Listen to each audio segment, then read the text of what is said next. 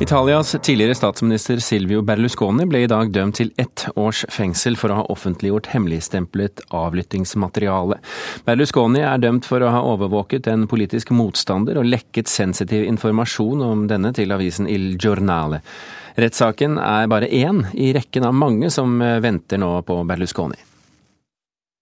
Allora, in nome del popolo italiano, visti gli articoli 533 e 535 CPP, il Tribunale dichiara Berlusconi Silvio e Berlusconi Paolo colpevoli I det italienske folkets navn dømmes Silvio Berlusconi til fengsel i ett år, forkynte dommeren. I 2006 publiserte avisen Il Giornale, som Berlusconi-familien eier, utskrifter fra en hemmelig avlytting som politiet foretok. Hensikten skal ha vært å diskreditere en politisk motstander. Berlusconis bror Paolo, som er utgiver av avisen, ble dømt til fengsel i to år og tre måneder. Rettssaken fant sted i Milano, der avisen kommer ut. Berlusconis forsvarere har beskyldt retten for å ha politiske motiver. Sono convinto purtroppo ancora una volta che difendere Berlusconi a Milano sia Nok en gang blir jeg overbevist om at det er altfor vanskelig å forsvare Berlusconi i Milano, sier advokat Piaro Longo. En talsmann for Berlusconis parti, det høyreorienterte Frihetens Folk, sier at planen om å eliminere Berlusconi ved hjelp av rettsvesenet nå er så åpenbar at det utgjør en fare for demokratiet. Men han trenger ikke bekymre seg for å havne i fengsel. Ifølge rettsvesenets retningslinjer skal personer over 75 år som dømmes til mindre enn to års fengsel, slippe å sone. Berlusconi er 76 år. Alt går heller ikke Berlusconi imot. I går ble han frikjent i en sak om skattesvindel.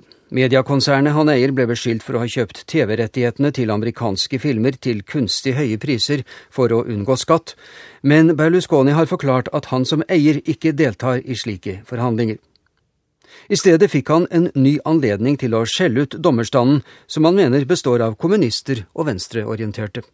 Det er klart, det er questa cosa io l'ho già definita in maniera chiara, ho detto che è una patologia del nostro sistema, ho detto che è un cancro Det er tydelig for enhver at dommerne er en sykdom i systemet vårt, en kreftsvulst i demokratiet, forkynte den tidligere statsministeren. Og det var det reporter Gunnar Hybertsen som sa. Simen Ekern, journalist i Dagbladet, og som har også forfattet boken 'Berlusconis Italia'. Hva forteller denne saken om hvordan Berlusconi bruker makten sin? Den forteller jo dels det veldig mange har ant, og det har vært mange andre saker som har vist at han jo ikke er redd for å bruke sine aviser og sine TV-kanaler til å fremme politiske budskap som kan, som kan gagne, gagne, ham. Det viser jo også eh, hvor utrolig dyktig han er til å få alle anklager mot seg til å bli en slags eh, fordel for ham. fordi eh, hver gang det, han blir dømt eller han blir anklaget, så er det bare et nytt bevis på det han alltid har hevdet, nemlig at han egentlig blir eh, forfulgt av rettsvesenet. Så, så, saken destillerer egentlig ganske mange av, eh, av de tingene vi, vi, vet om Berlusconi ut i, ja, ut i en sak. Mm. Nå er det jo mange saker på vent. Denne saken, er det en alvorlig forbrytelse? Det oppfattes nok som den minst alvorlige av de eh, rettssakene han skal gjennom. Dels fordi eh, avlytting og publisering av avlyttet materiale er fryktelig vanlig i Italia. Eh, og den tidligere statsministeren har selv eh, vært rasende på det ved en rekke anledninger. Så det er nok litt sånn at italiensk eh, publikum er ikke, ikke, lar seg hisse opp så voldsomt av akkurat den biten av saken. I tillegg så er det jo sånn at selve, selve denne bankskandalen som var utgangspunkt for avlyttingen, stilte venstresiden i et dårlig lys. og også i forkant av denne siste valgkampen så var det lignende saker der venstresiden også var involvert i, i økonomisk snusk. Så mange føler vel på en eller annen måte at at det, det, fortjente de, selv om, selv om materialet åpenbart var ulovlig funnet. Og, selv om det jo er fryktelig klart da, at Berlusconi fra da han fikk presentert dette julaften i 2005, åpenbart så det som den aller beste julepresangen han kunne ønske seg, og, og gjorde det han kunne for å ramme politiske motstanderne på, ulov, på ulovlig vis. Men, men, denne avisen Il Giornale som, som trykket lekkasjen, eies jo av Berlusconis, Berlusconis lillebror Paolo. Eh, gjør det den mindre uavhengig enn andre italienske aviser? ja, det kommer jo an på hvem du spør. Eh, jeg tror det. altså Berlusconi hevder jo, eller åpenbart gjør den det. Altså, det er jo det samme med, med, Berlusconis TV-kanaler også, som han gang på gang insisterer på er uavhengig, og til og med kritiserer ham mer enn det de andre TV-kanalene gjør. Eh, men det, har jo, det, det, stemmer som oftest ikke, og det har som oftest ikke stemt i den lange perioden han har styrt Italia. Denne konflikten, interessekonflikten som den kalles med stor i i Italia, er jo eh, noe av selve nøkkelen til å forstå berlusconismen. Hvordan han har brukt eh, media og politikk og smelt dette sammen til noe som er uoversiktlig, men, men ikke særlig demokratisk.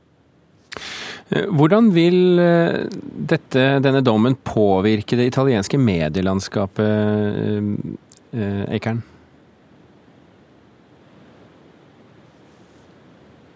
Ekern? Mista vi Ekern? Selveste eh, Simen Ekern forsvant, rett og slett. Dette er eh, det som skjer av og til når vi har eh, folk på lufta via Skype fra et annet land. Ekern, er du tilbake? Ja, jeg er visst det. Ja, du er tilbake, men det er hyggelig. Hvordan vil dette påvirke det italienske medielandskapet? Vel, i utgangspunktet ikke så fryktelig mye, fordi, fordi, eh, argumentet om at dette bare beviser at han er forfulgt osv. nok står ganske, ganske sterkt. Det som er interessant, er jo eh, at saken handler om altså Hvis vi ser på den biten av saken som handler om eh, Berlusconis bruk av, av sitt medieimperium, så er jo dette en av de aller første sakene venstresiden og komikeren Beppe Grillo, begge på sin kant, har, har, lovet å ta tak i hvis de får eh, makten. og Det er også noe av det Berlusconi er aller mest redd for nå. Eh, hvis det skulle lykkes å etablere en eller annen form for mindretallsregjering som Berlusconi ikke er en del av, så vet han at eh, det kommer til å bli endringer i forhold til hvordan han kan drive politikk og eh, styre et, landets største, største medieselskap. Så, sånn sett så er dette, denne saken i alle fall en på påminnelse om det som er det aller viktigste for veldig store deler av uh, Berlusconis eh, politiske motstandere, også veldig mange av innbyggerne i Italia, litt uavhengig av politisk ståsted. Simen Ekern, tusen hjertelig takk for at du kunne være med i Kulturnytt.